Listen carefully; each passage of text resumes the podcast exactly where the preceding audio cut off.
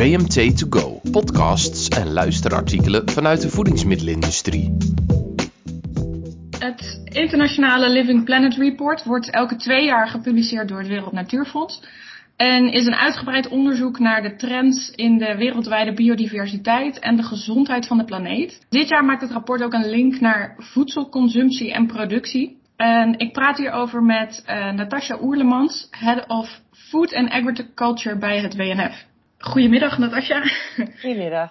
Ja, in het Living Planet Report geven jullie aan dat uh, biodiversiteit essentieel is voor onze voedselzekerheid. Waarom is dit en hoe werkt het precies? Dat is uh, eigenlijk simpel. Biodiversiteit betekent alle dieren, planten, alle relaties daartussen. Uh, en concreet betekent dat bijvoorbeeld ook insecten en bestuivende insecten zoals bijen. Maar denk ook aan de regenwormen in de bodem die de bodem vruchtbaar maken. Als um, uit die biodiversiteit is eigenlijk soortenrijkdom. Uh, dus dat er zoveel mogelijk insecten en andere dieren op de planeet zijn als daar elementen uitvallen, dus bijvoorbeeld als insecten dat het slecht gaat of dat bepaalde uh, organismen in de bodem waar het slecht mee gaat, dan zie je dat bijvoorbeeld gewassen niet meer bestoven kunnen worden. Dus dat we geen fruit meer hebben. Uh, of je ziet bijvoorbeeld in de bodem dat de productiviteit van die bodem terugloopt, uh, waardoor er dus geen gewassen geteeld kunnen worden voor ons voedsel. Dus biodiversiteit en voedselproductie en de wijze waarop we voedsel produceren hangen heel erg met elkaar samen. Oké. Want uh, jullie geven aan de hand van de uitkomsten van het rapport aan dat de manier waarop wij voedsel produceren en consumeren een grote bijdrage levert aan de neergang van de biodiversiteit. Um, kun je misschien wat meer toelichten waarom dat zo is? Ja, ik denk dat daar een aantal oorzaken uh, aan te grondslag liggen. Hm. Dus een groot deel van de, van de natuurgebieden wereldwijd staan onder druk omdat er steeds meer um, wordt omgeploegd om er landbouwgrond van te maken. Voor de veeteelt, voor de productie van soja, voor de productie van palmolie. Dat is dus een belangrijk effect op natuur vanuit eh, de landbouw. Mm -hmm. Een ander belangrijk effect is dat in de landbouw de afgelopen decennia steeds meer pesticiden, steeds meer kunstmest en steeds meer andere producten zijn gebruikt om de productie op te, op te hogen. En die er wel toe hebben geleid dat we een, eh, een grote, steeds grotere voedselproductie hebben. Maar die ook hele negatieve effecten hebben op bijvoorbeeld waterkwaliteit, luchtkwaliteit en de kwaliteit van de bodem. Ja, en dit laatste heeft dan waarschijnlijk ook weer effect op, op dieren en de biodiversiteit, of zij voort kunnen leven of niet. In de bodem, ja. En pesticiden ja. hebben belangrijk effect op, uh, op, het, uh, op insecten. Ja, die weer nodig zijn voor het bestuiven en voor de voedselzekerheid. Ja. Dus wat we zien is eigenlijk uh, dat de voedselproductie, op, zoals die op die deze, uh, zoals die nu plaatsvindt, dat die ertoe heeft geleid dat we enorm biodiversiteitsverlies uh, in wereldwijd hebben. Ja. Um, want volgens het WNF uh, moeten we drastisch ingrijpen in de manier waarop we voedsel produceren op dit moment. Uh, wat moet er dan precies veranderen in de voedselproductie volgens jullie? Nou, als je kijkt uh, dat de voedselproductie op dit moment de belangrijkste veroorzaker is van biodiversiteitsverlies, zowel in het uh, uitbreiden uh, van landbouwgronden ten koste van natuurgebieden en aan de andere kant vanwege het gebruik van allerlei middelen en, en, chemie die ervoor zorgen dat soorten onder druk komen te staan. Dan uh, is een belangrijke oplossing is de natuurgebieden de natuurgebieden laten. Dus uh, ervoor te zorgen dat de natuurgebieden die er nu nog zijn beschermd worden. En dat we dus voedsel produceren, produceren zonder te ontbossen. Mm-hmm. En daarnaast is het van belang om op de landbouwgronden die we hebben, de voedselproductie zo duurzaam mogelijk te maken. Dus met zo min mogelijk chemie, met zo min mogelijk kunstmest. En met zoveel mogelijk gebruik maken van alle natuurlijke processen die er al zijn. Dus het stimuleren van bestuivers. Nou, concreet betekent dat bijvoorbeeld als jij in je akkers uh, een rand maakt met bloemen, dan kunnen daar allerlei insecten overleven die goed zijn voor de bestuiving. En zelfs ook insecten die goed zijn als een natuurlijke plaagbestrijding. Denk bijvoorbeeld aan lieve heersbeestjes, die eten luizen op. Als jij een mooie habitat heet dat, een leefomgeving voor die lieve heersbeestjes creëert. En voor allerlei andere uh, nuttige insecten. En dan uh, hoef je ook minder te spuiten. Dus het gaat eigenlijk om het zoeken naar een nieuwe balans tussen uh, natuurbescherming, milieubescherming aan de ene kant en voedselproductie aan de andere kant. Ja, want je zegt het eigenlijk al, uh, we moeten op een, op een duurzamere manier voedsel gaan produceren. Wat is jouw specifieke advies aan voedingsbedrijven om, om meer duurzaam te produceren? Even los van, je zegt net al de, de rand met bloemen. Um, zijn er meer echt concrete dingen die, die gedaan kunnen worden? Ja, wij zeggen vanuit het WNF van een landbouw met natuur Dat is zowel goed voor natuur, maar ook voor boeren en ook voor ons als consument. En dat uh, kunnen voedingsbedrijven natuurlijk stimuleren door eisen te stellen aan uh, de wijze waarop voedsel geproduceerd wordt.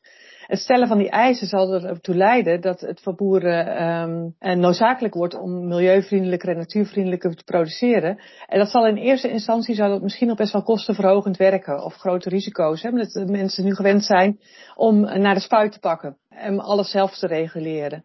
Dus dat betekent ook dat voedingsbedrijven, als ze die eisen stellen, daar ook een eerlijke prijs tegenover moeten gaan stellen. En dat kan betekenen dat het voor consumenten ietsje duurder wordt. Dat heeft er ook mee te maken dat de huidige voedselproductie en alle negatieve effecten op de natuur en op het milieu niet verdisconteerd worden in de prijs van het product. Die betalen we als samenleving en uh, dat gaat ook ten koste van natuur. Dus we moeten, denk ik, met z'n allen kijken naar van hoe kunnen we het voedselsysteem zo inrichten dat boeren optimaal um, gestimuleerd worden om natuurvriendelijk te produceren. En waarin we als consumenten ook onze verantwoordelijkheid nemen. En voedingsbedrijven zijn een ongelooflijk belangrijke schakel daartussen om het mogelijk te maken. Ja, want je zegt eigenlijk uh, dat de voedingsbedrijven die eisen moeten stellen aan, aan boeren om op deze manier uh, duurzaam landbouw te uh, verrichten. En dat zij die prijs ook door moeten berekenen aan de consument. Dus eigenlijk meer eerlijke prijs aan, aan uh, producten. Je zegt eigenlijk dat doen we nu niet en daar moeten we eigenlijk wel naartoe. Ja, ik denk dat is één kant. Dus het, ja? het, stimuleren met een hogere prijs van natuurvriendelijk geproduceerde producten. En aan de andere kant zou ik er heel erg voor pleiten om uh, alle kosten die de samenleving nu maakt en die dus worden afgewenteld op het milieu en op natuur, dat die ook in de prijs verdisconteerd worden. Dus daarmee ga je het vervuiler betaalprincipe introduceren. Waarbij de grootste vervuilers ook een, uh, een, een, prijs moeten betalen voor die vervuiling en daardoor minder interessant wordt. Waardoor zij ook een extra stimulans krijgen om natuurvriendelijker te produceren. Uh, en al met al denk ik, als ik kijk naar Nederland vooral, dat uh, de prijs van voedsel in Nederland is vrij goedkoop. Als ik kijk ook naar het aandeel van uh, dat wij als Nederlanders besteden aan voedsel, dat is de afgelopen jaren van ons salaris is de afgelopen jaren steeds kleiner geworden. Het is geloof ik nu rond de 10% Dat was 40 jaar geleden nog 25 ja. Want uiteindelijk gaat het ons allemaal in de vingers snijden als we niet goed voor natuur zorgen. Want daardoor komt dus ook de natuur als basis voor ons welzijn en als basis voor ons voedsel uh, in het geding. Ja. En ik denk dat steeds meer mensen dit beseffen. Maar dat we ons systeem er nog niet hebben, over, op hebben aangepast. En dat, uh, dat zou mijn uitdaging zijn om samen met voedingsbedrijven in de toekomst op te pakken. Maar goed, er ligt een grote rol voor voedingsbedrijven, dat zeg ik zelf eigenlijk al, om die prijs door te gaan berekenen. Maar ligt daar niet ook een rol voor de overheid om bijvoorbeeld een, een belasting te geven voor als er pesticiden gebruikt worden? Ook. Ik denk dat iedereen aan zet is. Kijk, als eerste is natuurlijk zijn boeren aan zet. Maar boeren gaan pas bewegen als, als het ook uit kan. Als ze er een boterham mee kunnen verdienen. Anders is het voor hun heel moeilijk om te bewegen en hebben ze geen toekomstperspectief. Dus dat betekent dat uh, voedselbedrijven daar een rol in hebben. En een overheid heeft een hele belangrijke rol voor stimulerende maatregelen. En als een overheid eisen stelt, dan is het ook niet zo dat een, een voedingsbedrijf uh, dat niet meedoet met het stimuleren van natuurvriendelijke productie, onder de prijs kan blijven. En dus kan concurreren met bedrijven die dat wel doen. Ja. Dus ik denk dat een, uh, een overheid ook heel erg belangrijk is voor het creëren van een uh, level playing field. Dus een, een eerlijke bodem in de markt. Ja. Uh, dat de overheid daarop eisen kan gaan stellen. En ik denk zeker dat een overheid ook een belangrijke rol heeft in internationale handelsverdragen bijvoorbeeld. Want niet alle voedselproductie komt uit Nederland, maar die komt van de hele wereld vandaan. Welke eisen stellen we aan die productie? Ook om ervoor te zorgen dat Nederlandse boeren die het wel goed doen, niet hoeven te concurreren met boeren elders die tegen mindere natuurvoorwaarden produceren. Ja, want je zegt het zelf al, het brengt eigenlijk uh, het brengt kosten met zich mee om deze verandering uh, aan te brengen. Uh, dat zal een, een tegenargument zijn van boeren en voedselproducenten om deze stap te zetten. hoe willen jullie dan toch boeren en de voedingsindustrie overtuigen om toch deze stap te gaan zetten, ondanks de kosten? Ja, ik, zou, ik wil erbij zeggen dat het, met name de kosten voor de overgang, voor de transitie, uh, dat, dat die waarschijnlijk, uh, dat zijn investeringen die je moet maken en die zich ja. pas op de lange termijn uitbetalen. Want ik ken uh, boerenbedrijven die dus zonder chemie produceren en die zulke lage kosten hebben omdat ze dat niet meer hoeven uitbesteden aan chemie, dat ze uiteindelijk kosten besparen en een betere inkomen verdienen. Maar je moet wel door een soort fuik eerst heen van uh, onzekerheid, risico's. En uh, je hebt die, die dieren, die wilde dieren die jou kunnen helpen in de bodem en de insecten voor de bestuiving en voor plagostrijding, die heb je niet meteen terug. Dat kost je vijf tot tien jaar. Dus die, dat is een investeringscyclus. Uh, wat ik uh, met name ook boeren en voedingsbedrijven zou willen laten doen, is kijken naar de lange termijn. Want op de lange termijn, als je nu die investeringen niet maakt, dan komt dat dubbel en dwars terug. Omdat je grond uitgeput raakt of omdat je die insecten niet meer krijgt. Het systeem stort in. En dan heb je als voedingsbedrijf zul je steeds meer moeite hebben om uh, voedsel uh, te kunnen aankopen. Denk bijvoorbeeld aan het hele verdroging de afgelopen drie jaar in Nederland. Dat we enorm droge en hete zomers hebben gehad. Dat was al een, een, een groot effect op de voedselproductie in Nederland. Ja. Uh, maar je zag ook dat bedrijven die biologisch produceren, die een gezonde bodem hebben, dat bijvoorbeeld de grasopbrengst daar nagenoeg gelijk bleef. Want een bodem, gezonde, levende bodem, kan die droogte veel beter opvangen dan een bodem die dood is. Dus je ziet dat op de lange termijn zullen we met z'n allen grote last krijgen en grote risico's moeten dragen in in, in de voedselvoorziening. Als we nu investeren in een meer natuurvriendelijke productie, wat misschien op de korte termijn investeringskosten en hogere en hogere vergoedingen voor boeren met zich teweeg brengt. dat zal zich terugbetalen op de lange termijn. Ja. Dat is mijn overtuiging. Maar wat je ziet is dat de meeste mensen nog gewend zijn om op de korte termijn te denken en niet op de lange termijn. Ja. En zeker in het licht van klimaatverandering, wat, uh, wat eigenlijk steeds urgenter wordt, zullen we ook die lange termijn steeds meer in ogenschouw moeten nemen en nu dingen moeten doen die misschien pas over tien jaar echt een positief effect zullen opleveren. Maar als we het nu niet doen, zitten we over tien jaar met gebakken peren. Ja, want jullie zeggen ook natuur en voedselproductie kunnen elkaar versterken. Als biodiversiteit en natuurherstel onderdeel zijn van het verdienmodel van de hele keten. Uh, hoe moet dit er volgens jullie uit gaan zien en wat moeten voedingsbedrijven daarvoor doen? Wat ik uh, net al aangaf, hè, dat uh, zowel boeren moeten natuurlijk een goede boterham kunnen verdienen aan natuurvriendelijk produceren. Dat betekent dat ze een goede prijs moeten krijgen voor die producten. Daar kan een voedingsmiddelenbedrijf wat aan doen. Een voedingsmiddelenbedrijf kan ook wat doen aan het opvoeden van consumenten en te zeggen van dit is een product wat echt uh, bijdraagt aan natuur. Uh, heel veel Nederlanders vinden het van belang. Ik geloof 80% van de Nederlanders geeft aan dat ze het uh, belangrijk vinden dat natuur adequaat beschermd wordt. De meeste mensen linken dat nog niet aan voedsel. Voedingsbedrijven kunnen dat wel doen. Die kunnen zeggen van het eten van voedsel heeft ook effect op hoe de natuur ervoor staat. En met het eten van natuurvriendelijk geproduceerd voedsel draagt u daar als consument aan bij. En daarom vragen we bijvoorbeeld een hogere prijs. En een verdienmodel in de keten betekent ook dat, nou wat ik zei, dat vervuilend betaalprincipe heel duidelijk gemaakt moet worden. Als we het niet doen, wat gebeurt er dan? En wat betekent dat dan voor de continuïteit van, van voedselproductie wereldwijd? Uh, om dat inzichtelijk te maken en daar als bedrijf ook naar te handelen. Ik denk dat dat ook heel belangrijk is. Vervolgens denk ik, want we hebben het nu vooral over consumptie gehad en over een eerlijke prijs voor producten. Ja. 30% van het voedsel wordt nu nog weggegooid, verspild. Ja. Uh, in westerse landen is dat met name in supermarkten en bij de consument thuis. In uh, wereldwijd uh, ligt dat wat genuanceerder, omdat het ook op transport en bij opslag van oogsten veel misgaat. Maar het tegengaan van voedselverspilling, daar kunnen natuurlijk voedingsbedrijven ook nog heel veel in, in betekenen. En een ander belangrijk punt wat we ook als WNF uh, proberen te stimuleren is uh, probeer ook eens je, je, je leefstijl aan te passen. Dus minder vlees en zuivel. Een supergoeie ontwikkeling. Want voor het eten, plantaardig eten, is veel minder landbouwgrond nodig. Nu wordt 80% van het landbouwareaal wereldwijd wordt gebruikt voor de productie van vlees en zuivel. 80%. En voor een, een kilo vlees heb je ongeveer nou, 3 tot uh, 8 kilo uh, granen of mm-hmm. andere vormen van plantaardig eten nodig. Dus dat is eigenlijk heel inefficiënt. Dus ja. door consumenten uh, te verleiden om meer plantaardig te eten, meer divers te eten, meer groentes te laten eten, bonen bijvoorbeeld, kun je ook al een, uh, een flinke slag maken. Ja, want je zegt net zelf eigenlijk al dat uh, 30% van ons voedsel verspild wordt. En dat we daar ook zeker een slag moeten slaan om minder voedsel te gaan verspillen. Uh, dat voedselproducenten daar iets aan kunnen doen. Wat kunnen ze daar specifiek aan doen om dat te verminderen? Uh, ik denk, nou, dat zijn volgens mij discussies die in de voedingsmiddelenindustrie ook al spelen over houdbaarheidsdatum. Hè? Dat, uh, ja. Die kan best wel eens opgerekt worden of uh, minder prominent. En nu zijn er twee soorten data.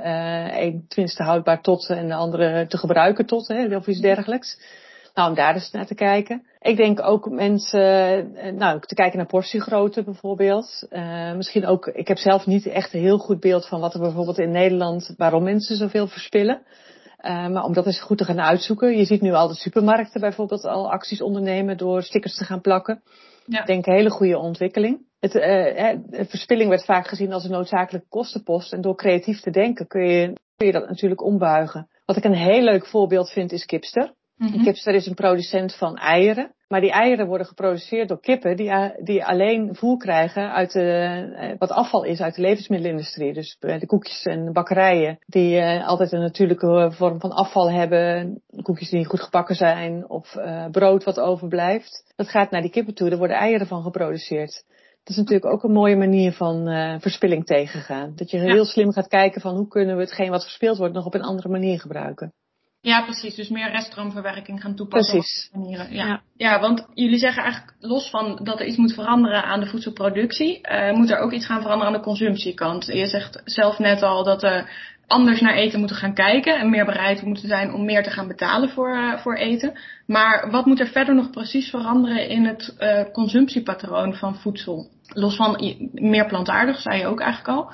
Zijn er nog meer dingen daarnaast die, eh, die de consumenten kunnen veranderen? Ja, nou voor consumenten vooral belangrijk dus meer plantaardig eten, minder verspillen. Ja. En meer diverser eten zou natuurlijk ook goed zijn. Want diversiteit in wat we eten kan ook de diversiteit op het, op het land helpen. Hè? Dus uh, als we alleen maar aardappels en uh, brood eten en bepaalde soorten groenten, dan is dat ook geen divers uh, landbouwareaal, zeg maar. Hè? Dat, mhm. zijn er ook, uh, dat leidt ook tot monocultuur. Dus we zeggen ook, nou, ik eet eens een keer wat anders, gevarieerd. Ja. En eet vooral ook niet te veel. En zorg ook dat je dingen eet die, die je grootmoeder nog herkent, bij wijze van spreken. is ook een, een uitspraak die vaak wordt gebruikt. Ja. Uh, dus zo min mogelijk bewerkt. Dus weet wat je eet. Ja, dat is een goede, zo min mogelijk bewerkt. Maar vleesvervangers zijn tegenwoordig juist wel bewerkt. En dat is ook het commentaar wat daar vaak op, op ja. terugkomt. Hoe, ja, hoe strookt dat met elkaar?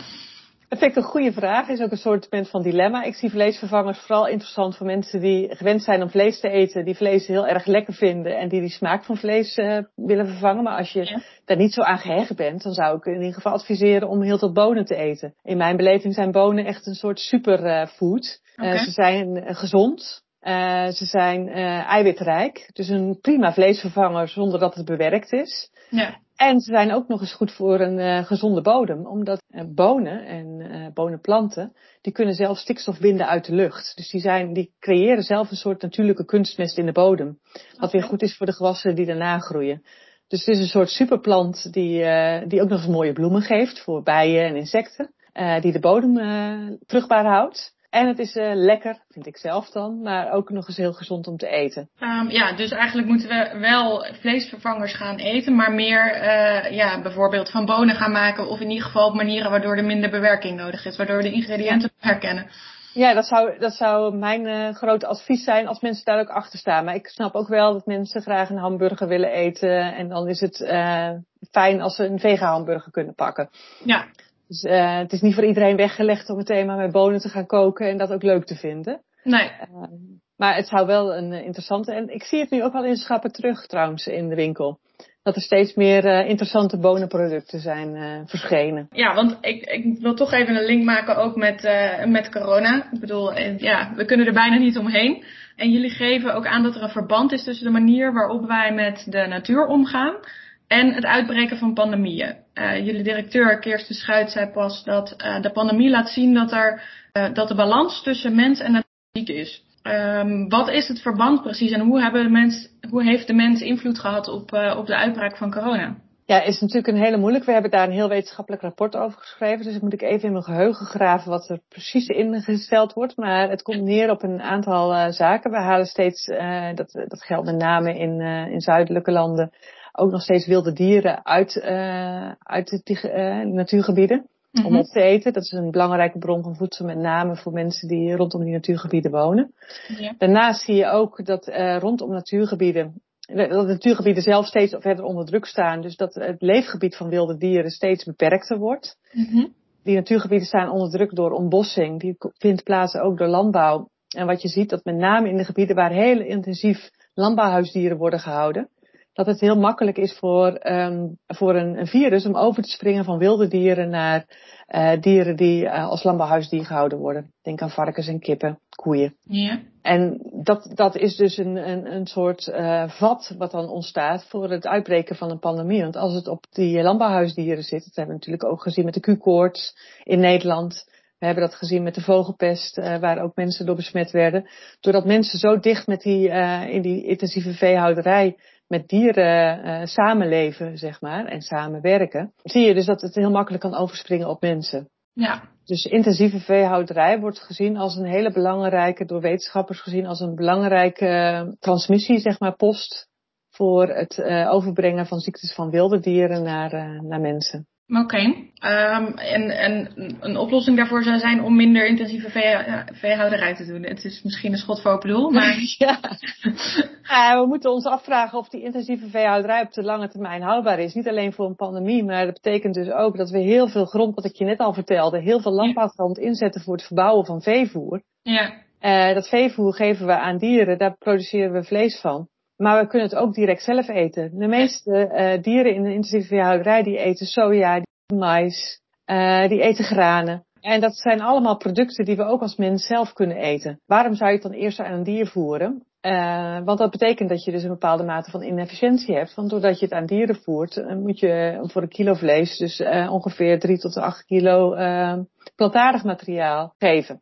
Ja. En dat is dus super inefficiënt. Dus het is ook een super inefficiënte manier van uh, het gebruik van onze landbouwgrond, maar ook het gebruik van water en het gebruik van alle andere hulpbronnen die we nodig hebben. Ja. Ik zeg ook altijd, er wordt voldoende, uh, we hebben voldoende landbouwgrond in de wereld om, uh, de huidige landbouwareaal is voldoende om alle mensen te voeden. Maar dan moeten we wel andere keuzes maken. En dan moet je je dus afvragen of het eten van zoveel vlees zoals we nu in westerse landen doen, of dat houdbaar is. Ja. Maar moeten we dan helemaal stoppen met vleesconsumptie of moeten we het op een andere manier gaan inrichten en minder vlees gaan eten? Ik denk zeker dat we het op een andere manier in moeten gaan richten. En je kunt natuurlijk, ik ben er ook helemaal niet voor dat je mensen moet gaan verbieden om vlees te eten of uh, vegetariër te worden, dat je dat uh, propageert. Uh, het gaat er met name om dat we nadenken over van wat is de landbouwgrond die we in de wereld hebben. We willen met z'n allen dat de bossen blijven staan. Dus dit is de grond waar we het zo mogelijk mee moeten doen. Mm-hmm. wat halen we van die grond wat rechtstreeks geconsumeerd kan worden door mensen? En wat zijn bijvoorbeeld afvalproducten en bijstromen die we aan dieren zouden kunnen voeren? En dan heb je natuurlijk ook nog graslanden wereldwijd. Dat is ongeveer 60% van het landbouwareaal. Daar kunnen eigenlijk alleen koeien en geiten kunnen daar uh, voedsel voor mensen van afhalen. Mm-hmm. Dus dat betekent dat die nog een belangrijke rol kunnen spelen. Maar nu zie je dat de meeste koeien die we eten en op ons bord liggen, dat die granen hebben gegeten in plaats van gras. Terwijl een koe een heel goed dier is om gras om te zetten in, in vlees of, of zuivel. Maar dat betekent dus dat we even met een andere bril kijken naar uh, hoe we onze voedselproductie zouden moeten inrichten. En Ja. hoe we ervoor kunnen zorgen dat op deze eindige planeet waar we met z'n allen op leven, want dat was natuurlijk ook hetgeen wat in het Living Planet rapport staat, we hebben maar één planeet. Mhm. Dan willen we zo goed mogelijk ruimte creëren voor mensen, maar ook voor natuur. En die natuur hebben we nodig. Dat betekent ook dat we moeten kijken van hoe kunnen we het huidige areaal aan landbouw en de voedsel wat daarvan afkomt, hoe kunnen we dat op zo'n goed mogelijke manier inzetten dat iedereen te eten heeft. En dat we er ook voor zorgen dat de natuur niet verder af, aftakelt. Ja, en dat als ik even je, je, je antwoorden samenvoeg, kunnen we dat eigenlijk doen door meer duurzaam te gaan verbouwen. Een eerlijkere prijs te gaan vragen voor de producten die we, die we leveren aan de consument. De consument moet een switch maken om ook daadwerkelijk meer daarvoor te willen betalen. En we moeten uh, minder vlees gaan consumeren, waardoor we van de intensieve veeteelt af kunnen en dus alleen maar dieren uh, houden voor het omzetten van, van grond wat wij zelf niet kunnen consumeren. Ja. Dat Ja, een, een hele goeie. En, en, op rest, en op rest en bijstromen kun je dieren houden. Kippen en varkens vroeger werden die bij een boerderij gehouden en daar werd gewoon het, het afval eten naartoe ge- gestopt. En, uh, Ja. en, wat, en nu hebben we ze tot uh, grootverbruikers gemaakt van soja en granen. Dat is gewoon super jammer om, uh, Ja. om, om die zo in te zetten. En ook niet langer houdbaar. En is dit ook, uh, wat ik zojuist samenvat, als we dit gaan doen, denk je dan ook dat wij um, minder kans hebben op verdere pandemie-uitbraken? Dat hoop ik wel, maar ik ben natuurlijk geen wetenschapper die daar zomaar eensluidend antwoord op kan geven. Maar ik denk wel dat als we er als, we, als mensen alles aan doen om die intensieve veehouderij uh, op een andere manier vorm te gaan geven, dat we dieren gaan houden op de manier zoals ik net zei. Ja. En, ervoor- en ervoor zorgen dat we meer ruimte geven aan natuur en meer leefruimte voor wilde dieren. Dat we er dan ook alles aan doen om pandemieën te voorkomen. ja, nee, duidelijk. Um, nou, het enige wat ik wil zeggen is dat, dat um, wij brengen elke twee jaar een alarmerend rapport uit. Zolang ik bij het Wereld Natuurfonds werk, en dat is uh, sinds 2012, uh, zijn al die rapporten alarmerend. En ik hoop echt dat, en uh, nou, dus Sir David Attenborough heeft natuurlijk onlangs ook op Netflix zijn documentaire weer uitgebracht over zijn leven. Ja. En daarin ook nou, de al- al- alarmbellen uh, geslagen. En het enige wat we kunnen veranderen om een uiteindelijk een rapport te krijgen over twee jaar wat weer wat positieve boodschappen geeft, is dat iedereen met ons meedoet. En dat iedereen zich geïnspireerd voelt door, uh, door ons werk. En uh, samen met ons naar die oplossing wil zoeken en er ook samen aan wil werken. Uh, het is allemaal nog niet verloren. En dat, ik heb dan soms wel, dan denk ik van, oh, dan hebben we weer zo'n alarmerend rapport uitgemaakt. Maar we moeten ook die hoop blijven houden. En die hoop hebben we, want we kunnen nog veranderen. Maar dan moeten we wel met z'n allen de schouders eronder zetten. Uh, nou, heel goed als de voedingsmiddelenindustrie dat ook wil gaan doen. Nee, ja, ik wil je bedanken voor deze, deze kijk op, uh, op de voedingsindustrie en het, uh, ja, het geven van tips hoe we, dat, ja, hoe we een betere voedingsindustrie kunnen, kunnen formuleren en vormgeven. Dankjewel. Bedankt dat je luisterde naar deze podcast van VMT2Go. Meer horen vanuit de voedingsmiddelenindustrie? Check vmt.nl/podcasts.